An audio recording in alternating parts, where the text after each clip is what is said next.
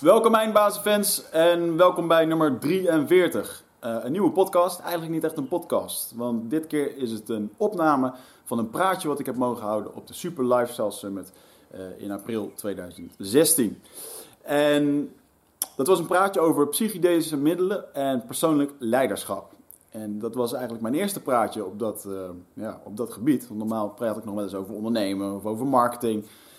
Maar dit keer ja, mocht ik eigenlijk gewoon een verhaal over mezelf gaan vertellen.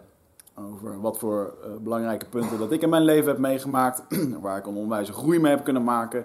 En dat ayahuasca daar een onwijze bijdrage aan heeft geleverd. Ja, dat, dat weten de fans wel die onze podcast luisteren. Voor dit praatje was voor mij ook wel een hele bijzondere reis. Want ja, een praatje houden met een hoop sheets, dat, uh, dat kan natuurlijk iedereen. Maar om echt een keer een verhaal te houden, om vanuit je hart te vertellen en wat echt helemaal over jou gaat. Om jezelf kwetsbaar op te stellen. Ja, toch wel openhartig uh, allerlei dingen te delen. Dat was toch wel een, ja, een nieuw dingetje. En ik vind het wel mooi dat een van de eindbazen gasten die bij ons is geweest, is een goede vriend van mij. En dat is Leon van der Zanden. Die heeft me, bij, heeft me geholpen om dit tot een mooi verhaal te maken. Waarbij ik eigenlijk van 15 sheets naar een paar sheetjes ging. En ja, ik ben heel erg blij geweest met het resultaat destijds. Ik vond het leuk om het te doen. dit ruikt zeker voor mij naar meer, dus ik hoop dat jullie er ook van genieten. Ik hoop dat jullie er ook veel van leren. En ik hoop dat jullie de kernboodschap ook tot je willen nemen. En zullen jullie vanzelf achter komen. Maar die kernboodschap is in ieder geval dat je de conversatie met jezelf durft aan te gaan. Of je dat nou doet door middel van psychedelische middelen of dat je een keertje een lange reis gaat maken. Of dat je een keertje uit je comfortzone wil stappen. Om bijvoorbeeld te gaan ondernemen. Of gewoon de volgende stap in je leven te gaan nemen. Op wat voor reden dan ook. Dus uh, ik hoop dat het inspireert en dat het ja, vermakelijk is om naar te kijken. Enjoy! Eindbazen wordt gesponsord door Nutrofit. De webshop voor natuurlijke voedingssupplementen en trainingsmaterialen die je helpen bij het verkrijgen van Total Human Optimization. Nutrofit is hofleverancier van merken zoals Onnit, Natural Stacks en Bulletproof Coffee. Probeer onze producten zonder risico door onze money back guarantee. Bezoek ons op www.nutrifit.nl. Bestel je voor 9 uur s avonds, dan zorgen wij dat jouw bestelling de volgende dag geleverd wordt.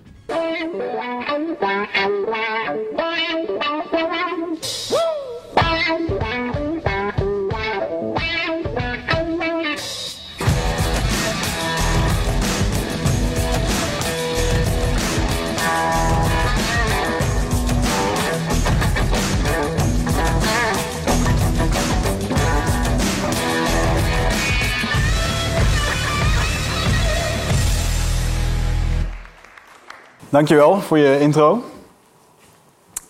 Uh, ik heb er super veel zin in, want laten we vooropstellen dat ik echt blij ben dat ik hier mag spreken als uh, slotspreker.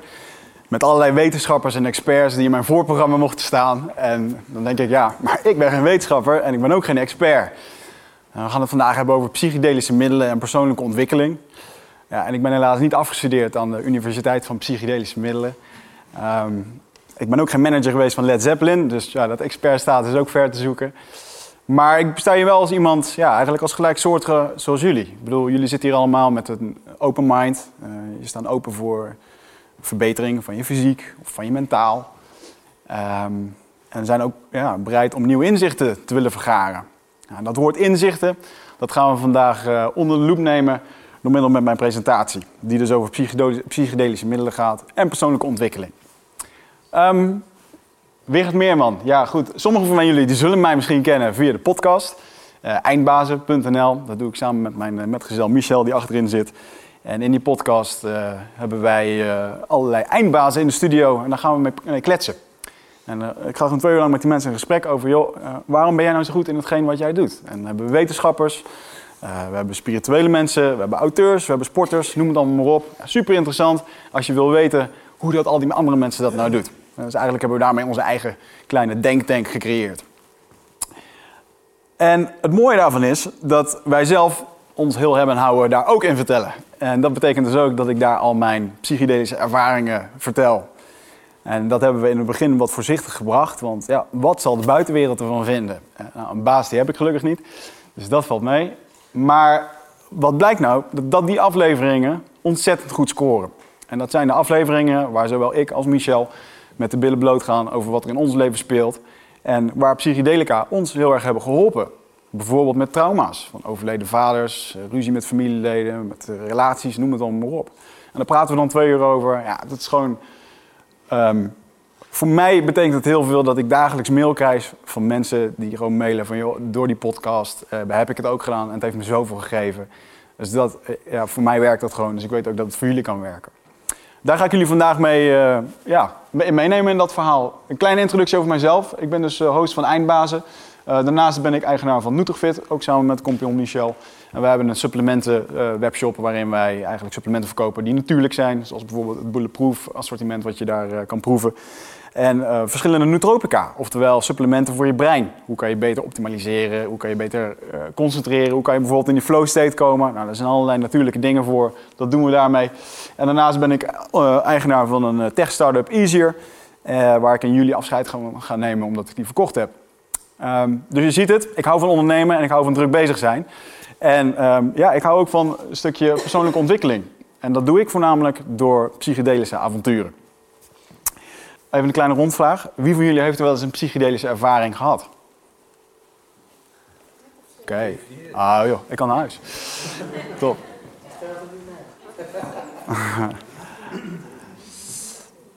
Het mooie van psychedelische ervaringen is dat het niet altijd met drugs te maken hoeft te hebben of met iets wat je moet nemen. Een psychedelische ervaring kan je op heel veel verschillende manieren krijgen. Sterker nog, het is eigenlijk iets wat wij in het Westen een beetje vergeten zijn, maar wat vroeger al honderden jaren, duizenden jaren werd toegepast. En dan kun je bijvoorbeeld denken aan mensen die 40 dagen vasten.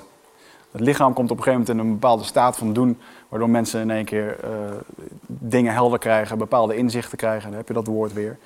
Maar je hebt ook de wat extremere manieren waar bijvoorbeeld de heiligen van vroeger, die lieten zich opsluiten in een grot voor een aantal dagen. En die hoorden daar in één keer het woord van God. En dan zou je kunnen denken van ja, tuurlijk. Nou ja, weet je wat het is? Dat op het moment dat jij bijvoorbeeld in een, donker, een donkere ruimte wordt opgesloten voor zo'n lange tijd, dan zit er midden in jouw brein zit een pineal gland. Dat is je derde oog. En daar wordt DMT in vrijgemaakt op het moment als je bijvoorbeeld een psychedelica als ayahuasca neemt. Eh, maar bijvoorbeeld ook als je droomt of als je doodgaat of een bijna doodervaring krijgt. Dan wordt er gemeten dat in dat orgaantje komt DMT vrij en dat zorgt ervoor dat je in een bepaalde staat kan komen. Als je jezelf 12 dagen opsluit in een donkere omgeving, waarbij je dus geen impulsen krijgt, waarbij je ja, geen geluiden, geen gesprekken met mensen kan hebben, maar gewoon puur met jezelf aanwezig bent, dan maakt dat orgaan op een gegeven moment geen melatonine meer aan. Dat is je slaaphormoon. Dat als het donker begint te worden, dan word je slaperig. Maar op het moment dat je continu in die donkere omgeving zit, dan doet je lichaam, lichaam dat op een gegeven moment niet meer. En dan komt er dus continu een stroom van DMT. Dus ik vind het niet gek dat die mensen na twaalf dagen het woord van God hadden gehoord toen ze uit die grot kwamen. En er zijn ook andere manieren, zoals bijvoorbeeld mediteren. Mensen die al wat verder zijn in meditatie, die zullen merken dat ze op een gegeven moment misschien zelfs wel een gesprek kunnen hebben met een hoger iets of met zichzelf. Want eigenlijk gaat deze presentatie helemaal niet over psychedelische middelen. De kernboodschap van mijn presentatie is dat je de conversatie met jezelf durft aan te gaan. En psychedelische middelen kunnen je daar eh, onwijs bij helpen. Wie. kunnen we de beveiliging even. Ga je nou tijdens mijn presentatie de podcast zitten kijken? Nou jongens, applaus. Helemaal top. Oké. ik, ben, ik ben in ieder geval te winnen op internet, zoals je hoort. Dat is helemaal top. Ehm, Oké, die psychedelische ervaring die kan je dus ook eh, op een andere manier oproepen. Eh, ik ben vanochtend nog gaan floten om even lekker relaxed te worden en eh, heb daar in dat bad gelegen. En op een gegeven moment, je brein komt tot een bepaalde staat tot rust, waarbij je geen geluid hoort, je ziet niks, je hebt geen impuls. En in één keer komt dat brein in een bepaalde staat, waardoor je heel ver in je gedachten kan komen en waardoor je in één keer allemaal dingen tegen kan komen die gewoon diep in je zitten. En dat is eigenlijk waar iedereen mee te maken heeft. Want jullie, allemaal, zitten hier in je eigen kostuum met 23, 24, 45, 50 jaar ervaring. En die ervaring, dat is pijn, dat is verdriet, dat is gelukkigheid. Je bent een keer verliefd geweest. Dat zijn allemaal trauma's en dingen. En het mooie is, is dat wij als kind geboren worden, dan ben je echt helemaal vrij van alles. Dan heb je alleen maar gevoel. En op het moment als je dus ouder wordt, komen er allerlei dingen die gaan gebeuren die letterlijk een trauma bij je achterlaten, bijvoorbeeld in je brein. En daar wil ik jullie eens even in meenemen. Want wat je vaak ziet is dat de dingen waar we ons druk over maken, nu bedoel, ik ben nu 33 jaar, En ik heb bepaalde levenservaringen. En ik weet dat als er bij mij op bepaalde knoppen wordt gedrukt, dan uh, gaat mijn systeem aan van hé, hey, dit heb je eerder meegemaakt. Um, hier moet je voor oppassen, want toen gebeurde dat en dat. Nou, dat is een systeem dat zit in ons brein. En het mooie daarvan is dat dat, uh, dat heet amygdala. En daar wordt uh, trauma en emotie in opgeslagen. Nou, waarvoor dient dat, dat stuk hersen? Dat als jij vroeger um, door het bos heen liep en je zag een slang, dan wist jij dat, dat die slang moest dan wegblijven en dat zit daarin opgeslagen. Als je kijkt naar uh, de rest van ons brein, bovenop zit onze cortex. Daar opereren we dagelijks in. Dat is het stukje waar redelijkheid en logica in voortkomt. En ja, je brein is aan het schakelen. Op het moment dat je stressige situaties tegenkomt, dus dan schakelt je brein tussen de verschillende delen. En die insula, die zit er ook nog bij. Dat is de brug tussen emoties en beslissingen. Dus op het moment, die zit heel dicht bij die amygdala. Op het moment als het op die knop van die amygdala gedrukt wordt, dan um, begint die insula eigenlijk te schreeuwen van joh, dit heb je eerder gehad, hier moet je nu wat mee. En op dat moment maak je daar een beslissing mee. Dat is eigenlijk hoe dat het werkt. En het mooie is, daar kun je jezelf ook in trainen, daar kun je jezelf bewust van worden. Want die insula moet je eigenlijk zien als een groot voetbalstadion Waar jij in staat met 300 cheerleaders en die staan alleen maar te juichen op het moment als er wat gebeurt. Bijvoorbeeld als jij bijvoorbeeld een keertje een, een ruzie krijgt met je nieuwe vriend of vriendin waarvan je denkt van oh shit, uh, dit, is weer, dit, was, dit heb ik eerder meegemaakt, uh, weet je. En je, je, systeem gaat helemaal aan. Um, een ander voorbeeld is bijvoorbeeld als je als jong kind bent gebeten door een hond. En jij hoort tien jaar later een hond blaffen, dan gaat nog steeds jouw systeem aan. En dan denk je van, oh, er gaat wat gebeuren. Dat is de werking van dit systeem.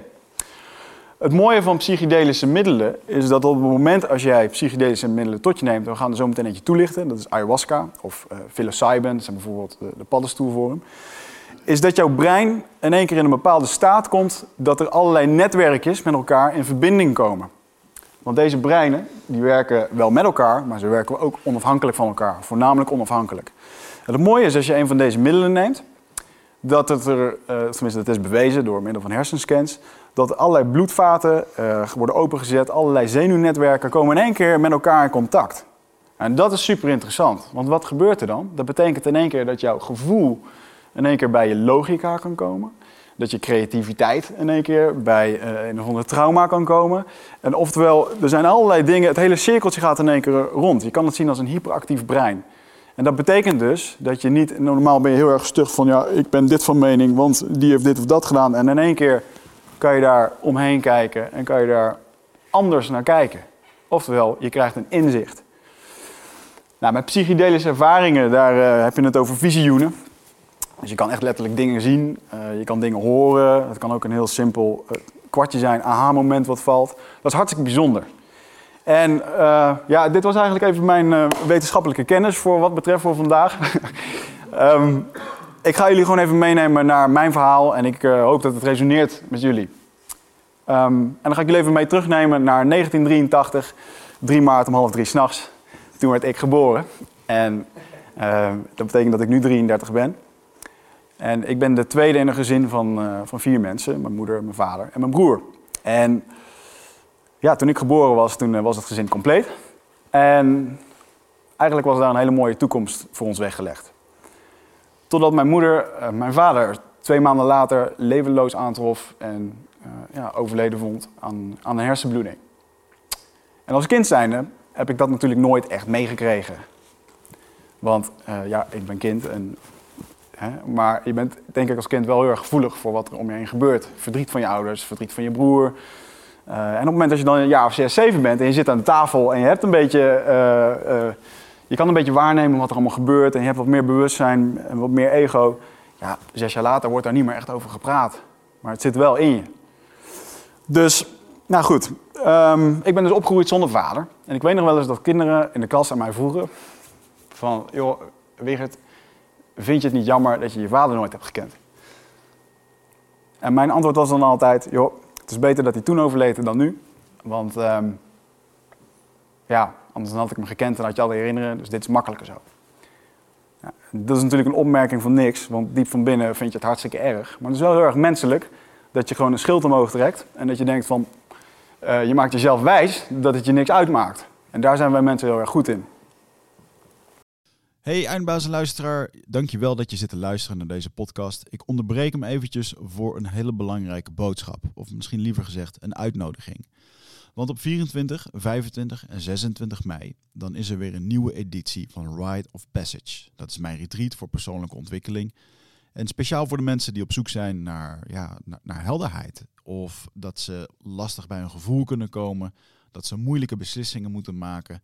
En dat ze zo ontzettend in hun hoofd zitten ja, dat ze er eigenlijk gewoon niet meer goed uitkomen. Of dat ze misschien al heel lang in een, ja, een soort van oud gevoel zitten.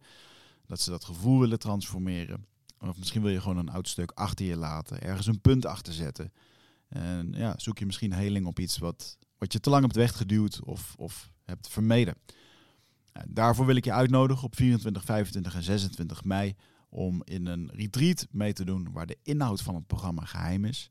Waar de belofte is dat het oncomfortabel wordt. Want jij begrijpt als geen ander dat als je die volgende stap wilt maken, ja, dan zul je uit de comfortzone moeten komen. En ik garandeer je, laat mij dat proces begeleiden met jou voor drie dagen. En je leven zal daarna nooit meer hetzelfde zijn.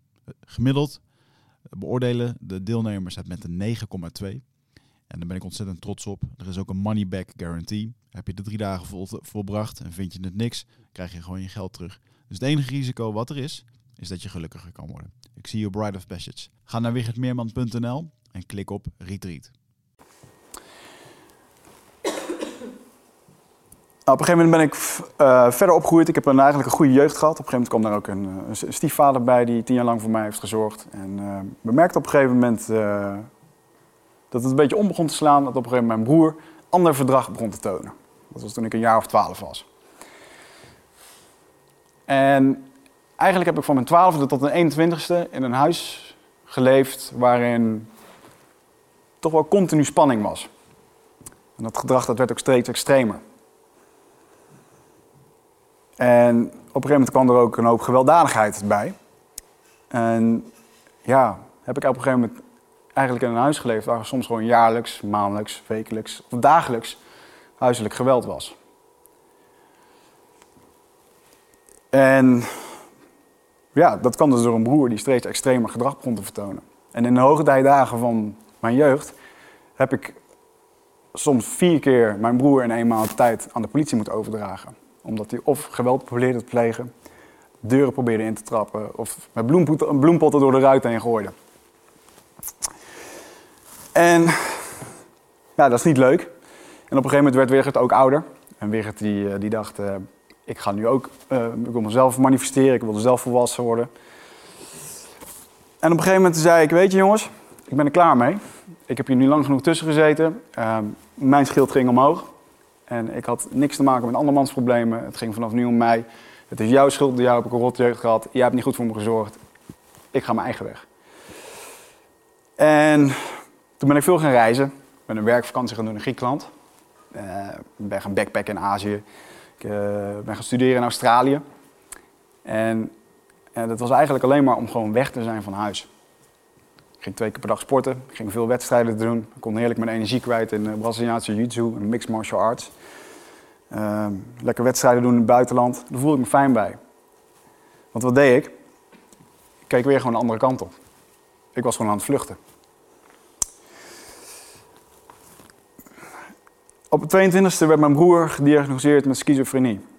En dat was iets wat. Uh, ja, ik heb daar gewoon tien jaar in gezeten. Dat is gewoon zo gegroeid. En dat, dat gebeurt gewoon en je zit daarin. En, uh, het is heel bizar hoe dat je daar helemaal in mee wordt genomen. En dat je daar ook je eigen verhaaltje van maakt. En uh, op een gegeven moment, nou goed, ik had, ik had gewoon besloten, weet je, ik ga mijn broer, ik wil hem gewoon niet meer zien. Geen contact meer. En zo geschiedde Dus ik heb mijn broer eigenlijk uh, daarna tien jaar lang niet gezien, niet gesproken en genegeerd. En ik was daar vrij resoluut in van, joh, ik hoef daar geen contact meer mee. En nou goed, ik ben op een gegeven moment toen gaan werken. Want ja, je moet een keer serieus worden. toen ben ik bij een grote multinational gaan werken. En dat ging eigenlijk best wel goed. En ja, ik, bij die multinational voelde ik me goed op mijn plek. Het was een plek met uh, veel bonussen. Het was een multinational financiële dienstverlening hoge bonussen, snelle auto's, maatpakken. Ik voelde me daar helemaal thuis. Um, ja, dat ging ook eigenlijk wel goed. En na twee jaar werken werd ik op een gegeven moment gevraagd door de concurrent En die zei, we hebben een mooi aanbod voor je. Eh, wil je dat doen? Een nieuwe functie. Ik dat is goed. Dus ik bij mijn oude werkgever opgezegd. En die zei, maar wij laten jou niet gaan. Dus vanaf nu verdien jij een ton per jaar. Uh, rij je een dikke Audi en uh, wordt per direct je functie verhoogd. naar een internationale functie. Nu kan ik je vertellen dat de Wigert van 28 daar niet per se een beter mens van werd. En voor mij was dat op dat moment heel erg uh, succes. Van hé, hey, dit gaat goed en mensen waarderen me. En ik dacht dat ik de wereld aankonde. En ik merkte toen heel erg dat ik uh, drie maanden later, ondanks dat ik zoveel geld verdiende. En ondanks dat het allemaal zo'n succes was, dat ik eigenlijk gewoon diep ongelukkig was van binnen. Want in het weekend ging ik nog steeds gewoon uit. En ja, dook ik toch gewoon uh, in de uitvluchten van alcohol, drugs en het uitgaan. En op een gegeven moment merkte ik na die drie maanden van, weet je, ik heb nu alles wat ik wil. Dacht ik, wat ik wil, ooit wilde. Maar ik ben niet gelukkig. Ik ga wat doen aan persoonlijke ontwikkeling. En ik ben toen begonnen met uh, het luisteren van podcasts.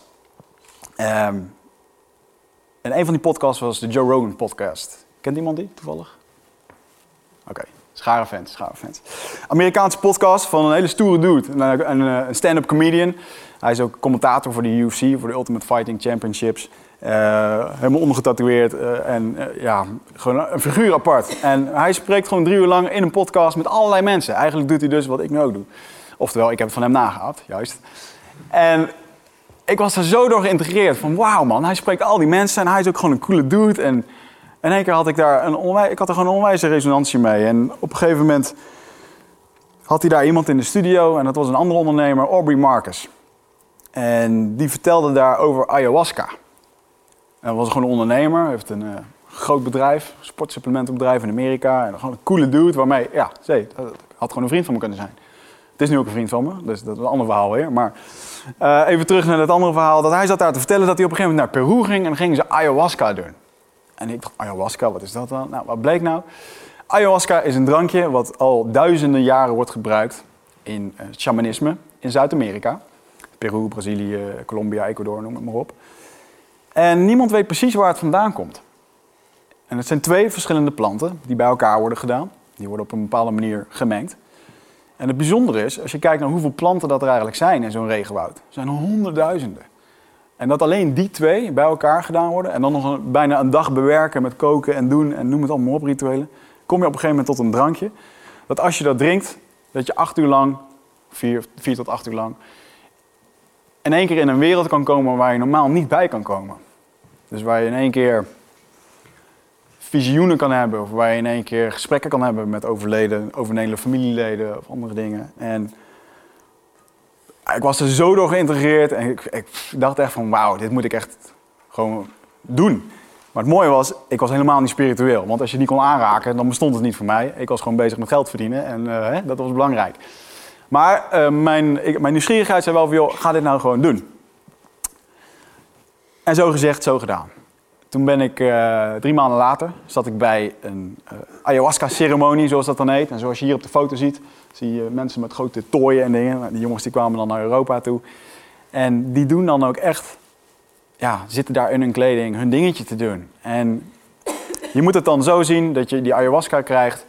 En zij beginnen dan met het zingen van Icaro's. Dat zijn uh, ja, de taal van de goden, zo mag je het noemen, maar helende liederen. En wat ze eigenlijk doen met die Icaro's, zijn eigenlijk intappen op bepaalde frequenties.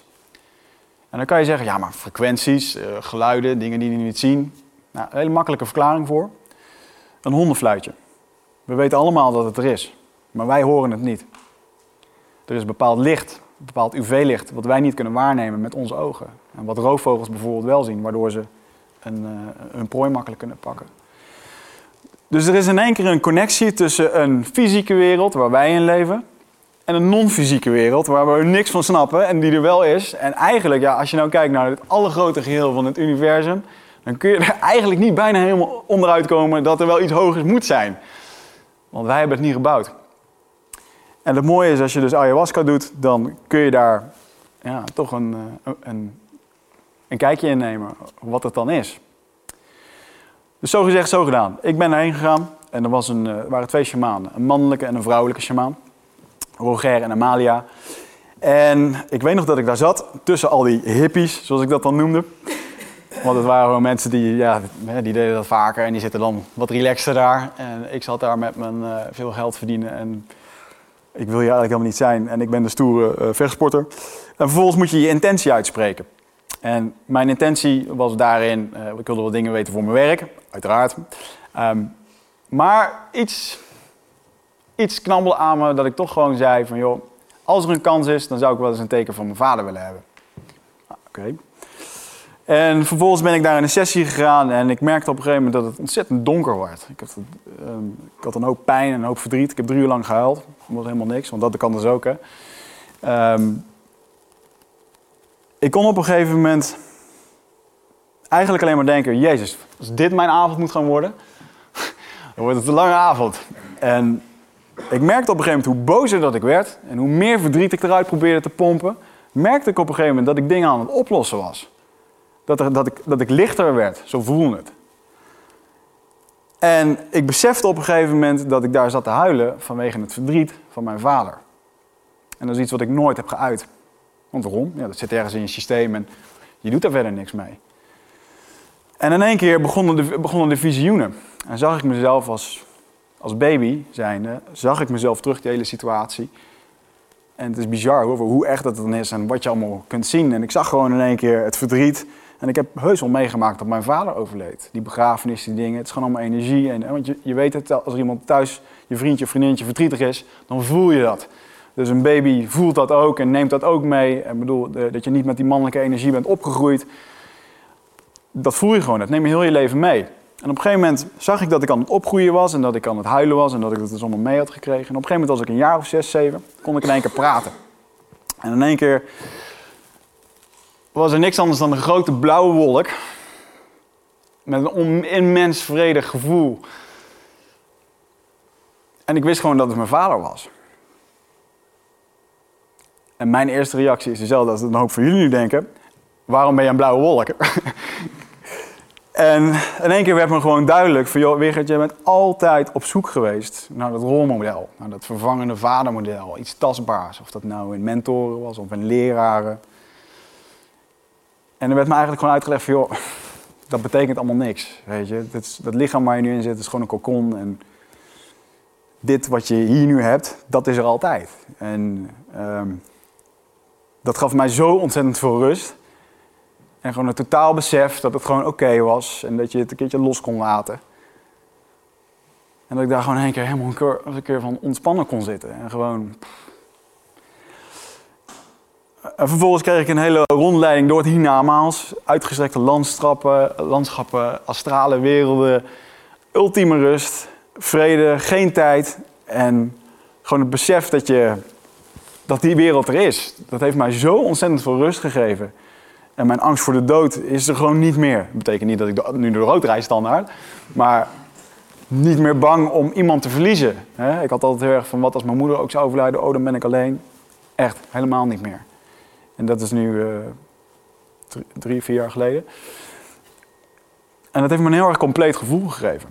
En vervolgens merkte ik dat ik in het visioen, werd ik ook ouder. En Eigenlijk werd ik daarin heropgevoed.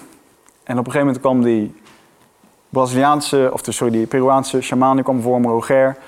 En die deed een persoonlijke Icaro. Dat, dan zingen ze tien minuten voor je. En dan, kijken ze even in jouw persoon wat daar mis of mist of goed is. En dan krijg je eigenlijk een helende behandeling. En ik merkte dat hij alle mannelijke aspecten in mij zong. Moed, uh, dapper zijn, sterk zijn, loyaal zijn. Eigenlijk alle mannelijke elementen die je zou willen hebben. En daarna kwam de vrouwelijke shamaan. En die gaf de vrouwelijke aspecten die nodig zijn. Dat het, gewoon het lief zijn, het respect hebben, geduld hebben. En ik merkte daar dat ik eigenlijk gewoon compleet opnieuw opgevoed was. En ik heb daar met mijn vader ook in alle fases van mijn leven, dus dat ik zes jaar was, dat ik tien jaar was, dat ik zestien jaar was, heb ik verschillende gesprekken met hem gehad. Gesprekken over mijn vriendinnetjes, gesprekken over mijn eerste baan, over dingen, hoe dat ik dingen deed. En toen merkte ik in één keer dat het echt wel een, een spiegel was die ik in één keer voor kreeg. Want je praat een hele hoop zelf goed van je. En ja, daar heb ik dus ook gewoon de fijne gesprekken gehad die een jongen gewoon met zijn pa wil hebben. En op een gegeven moment vroeg hij van, hoe gaat het eigenlijk met je moeder? Ik zei, nou, dat gaat goed. En ik voelde al aankomen. Op een gegeven moment ging het over mijn broer. Toen wel weet ik nog dat ik in die sessie zat en dat ik dacht, ah, ehm, ja, dit is nu echt zo'n topavond. Hier wil ik het niet over hebben. En uh, ik weet nog dat ik een beetje lag te stressen, want ja, het kan, ook, het kan gewoon echt uh, medoogloos zijn, het ayahuasca of zo'n psychedelische ervaring. En een hele rustige stem zei gewoon van, joh Wigert, oké, prima. Maar weet dat je er wat aan moet doen, anders komt het de volgende keer. oké. en we gingen verder. En dat had zoveel impact op mij, dat ik toch op een gegeven moment ja, begon te denken van, joh, uh, ja, hey, in de situatie toen je zat met je broer en met je moeder. Ik heb mijn moeder af en toe gewoon voor de keuze gezet van, joh, je kiest nu voor mijn broer of voor mij. Ja, zij had er ook niet voor gekozen. De dingen die ik tegen mijn broer heb gezegd, of hoe mijn broer denkt. Schizofrenie betekent niet dat je, uh, vaak wordt het verward met mensen, die, of met mensen die meerdere persoonlijkheden hebben. Dat is niet het geval. Het betekent dat jij een ander beeld hebt van de waarheid. Dus echt je eigen waarheid. dat is best wel lastig om daar door te dringen als, dat, als je tegenover zo iemand staat.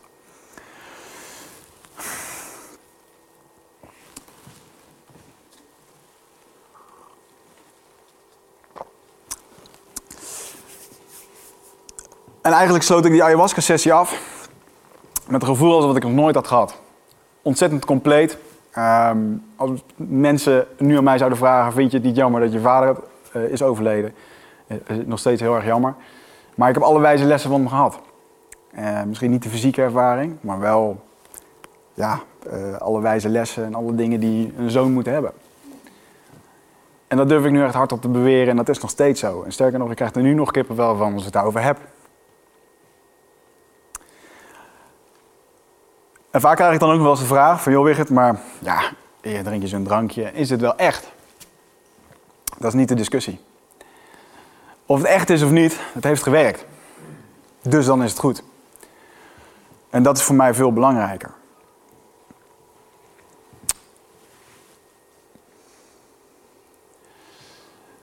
Nou, op een gegeven moment ben ik toen gaan ondernemen. Um, en ayahuasca heeft mij daar behoorlijk in geholpen. In hetgeen wat ik uh, allemaal heb ondernomen, allemaal heb bedacht. En dan moet je denken van producten tot recepten, tot logo's, tot met hoe ik met mensen omga, hoe ik met personeel omga. En iedere keer weer die spiegel voor krijgen. Ik heb ondertussen 22 sessies gedaan. Ik was alleen ayahuasca. En ja, ik merk dat het voor mij een behoorlijke spiegel voor kan houden. Want de Wigert die uh, 28 was, die trok gewoon de schild omhoog als iemand uh, een probleem had. Vandaar ik niks mee te maken hebben. Ik heb mijn eigen shit, doei. En ja, daar is toch een heel blok beton voor mij afgeschraapt. En ik heb toen nog een aantal sessies gedaan. Waar ook de dingen over mijn broer op een gegeven moment aanwezig waren.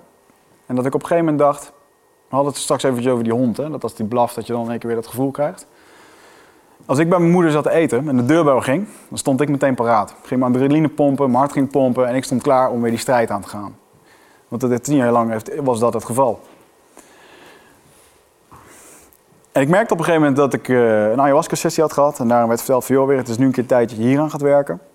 En de volgende keer, um, als je naar je moeder gaat, dan ga je het niet meer uit de weg. Want normaal belde ik mijn moeder op van, joh, uh, is mijn broeder? Nee, die is er niet, of wel. als die er wel was, dan ging ik niet naar huis. En nu had ik zoiets van, weet je, laat het gewoon gebeuren. Dus ik zat bij mijn moeder te eten. En op een gegeven moment gaat de, gaat de deurbel. En dat was mijn broer. En ik merkte dat de deurbel ging.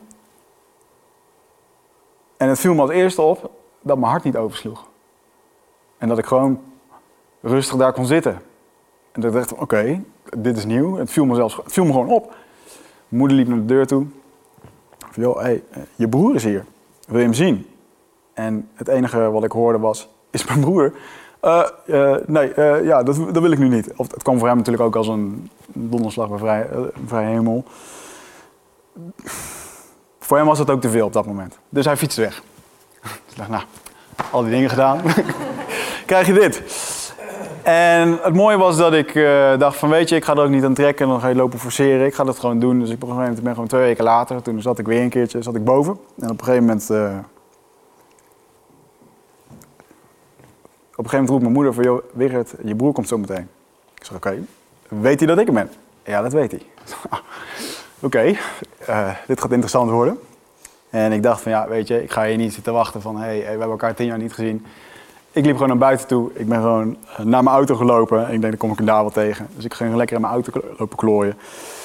En op een gegeven moment hoor ik een fiets achter me uh, aankomen. Dus ik hoor die wielen, die spaken. En ik wist al dat dat hem was. En ik zit in mijn auto. En op een gegeven moment ja, draai ik me om. En staat mijn broer daar.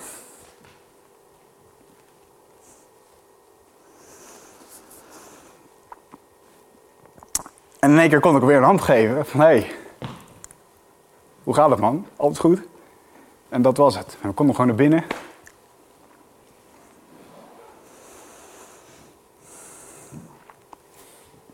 dan hebben we gewoon een prima gesprek gehad. Over koetjes en kalfjes. En verder eigenlijk helemaal niks.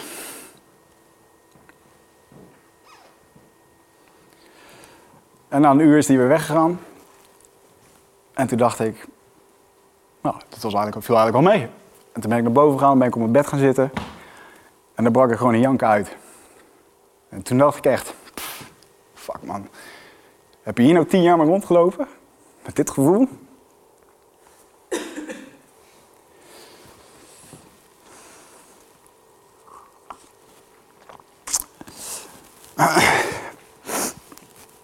Het mooie is dat iedereen hier van jullie nu zit met de gedachte dat je met iemand nog wel een keer een gesprek mag komen gaan voeren.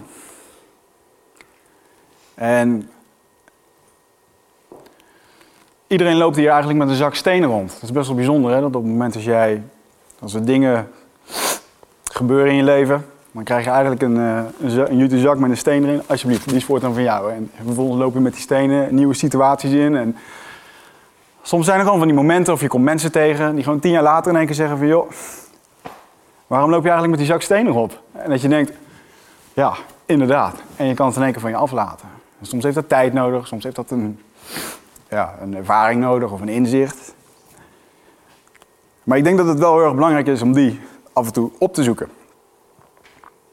En weet je, voor mij is dit een van de vele voordelen die het heeft gegeven. Ik wil jullie even meenemen in een aantal voordelen.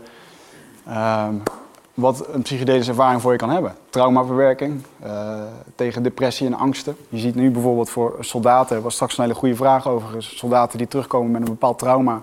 In Amerika worden nu complete programma's opgezet waarbij men niet meer met de westerse medicijnen werkt, maar juist met psychedelische middelen, omdat ze daarbij wel in één keer die verwerking kunnen hebben. Want die opvang is natuurlijk flut voor iemand die uh, een paar keer in, de uitzending is geweest.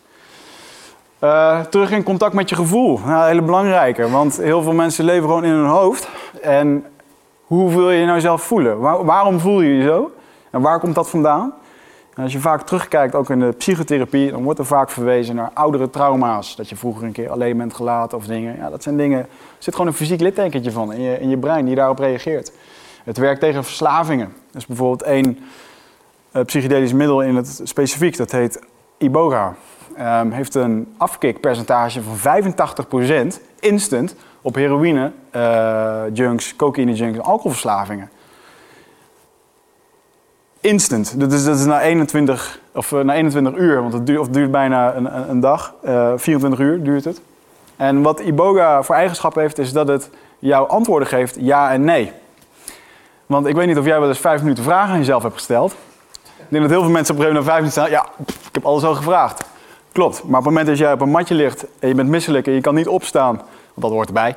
Uh, en je hebt die Iboga en je gaat 24 uur lang vragen aan jezelf stellen ja, dan kom je echt tot de kern. Dan kom je tot de kern wat jou dwars zit, waar je dingen vandaan komen. Hè? Want verslavingen komen eigenlijk altijd tekort, komen voort uit een tekort aan liefde of uh, ja, iets in die trant. Nou, het doorbreekt oude patronen. Uh, geen angst voor de dood, neurologische verandering, dus echt letterlijk fysieke verandering. Dat weten we eigenlijk al met mediteren. Als je 21 dagen aan een stuk mediteert, brengt dat fysieke verandering in je brein. En dat draagt bij dat je wat gelukkiger zou kunnen worden en ja, een stukje creatiever.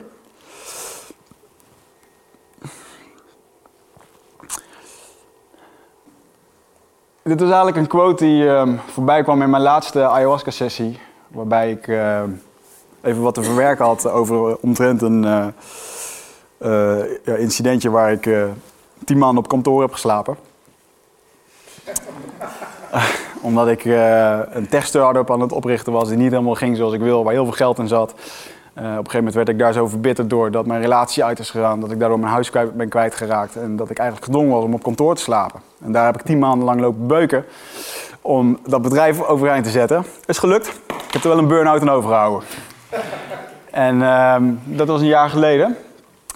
Um, en op een gegeven moment had ik weer een ayahuasca-sessie waarin ik ja, gewoon heel erg het besef had van joh, je hebt de afgelopen jaren zo erg lopen trekken aan alles. En alles lopen forceren en je, je probeert als het ware de wereld bij de strot te pakken en alles maar in jouw straatje te doen. Maar ja, de verandering ligt echt in jezelf. En dat is ook het, de boodschap die ik jullie graag mee wil geven in deze presentatie. Eigenlijk de kernboodschap is dat je de conversatie met jezelf aangaat.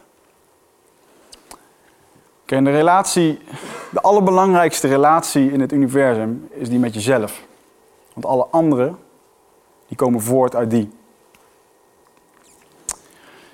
En op het moment als je de conversatie met jezelf aangaat, kun je voor jezelf een gelukkiger leven creëren. En als twee mensen die de conversatie met zichzelf aangaan, vervolgens de conversatie met elkaar aangaan, dan kunnen we echt een betere wereld gaan creëren. Dankjewel.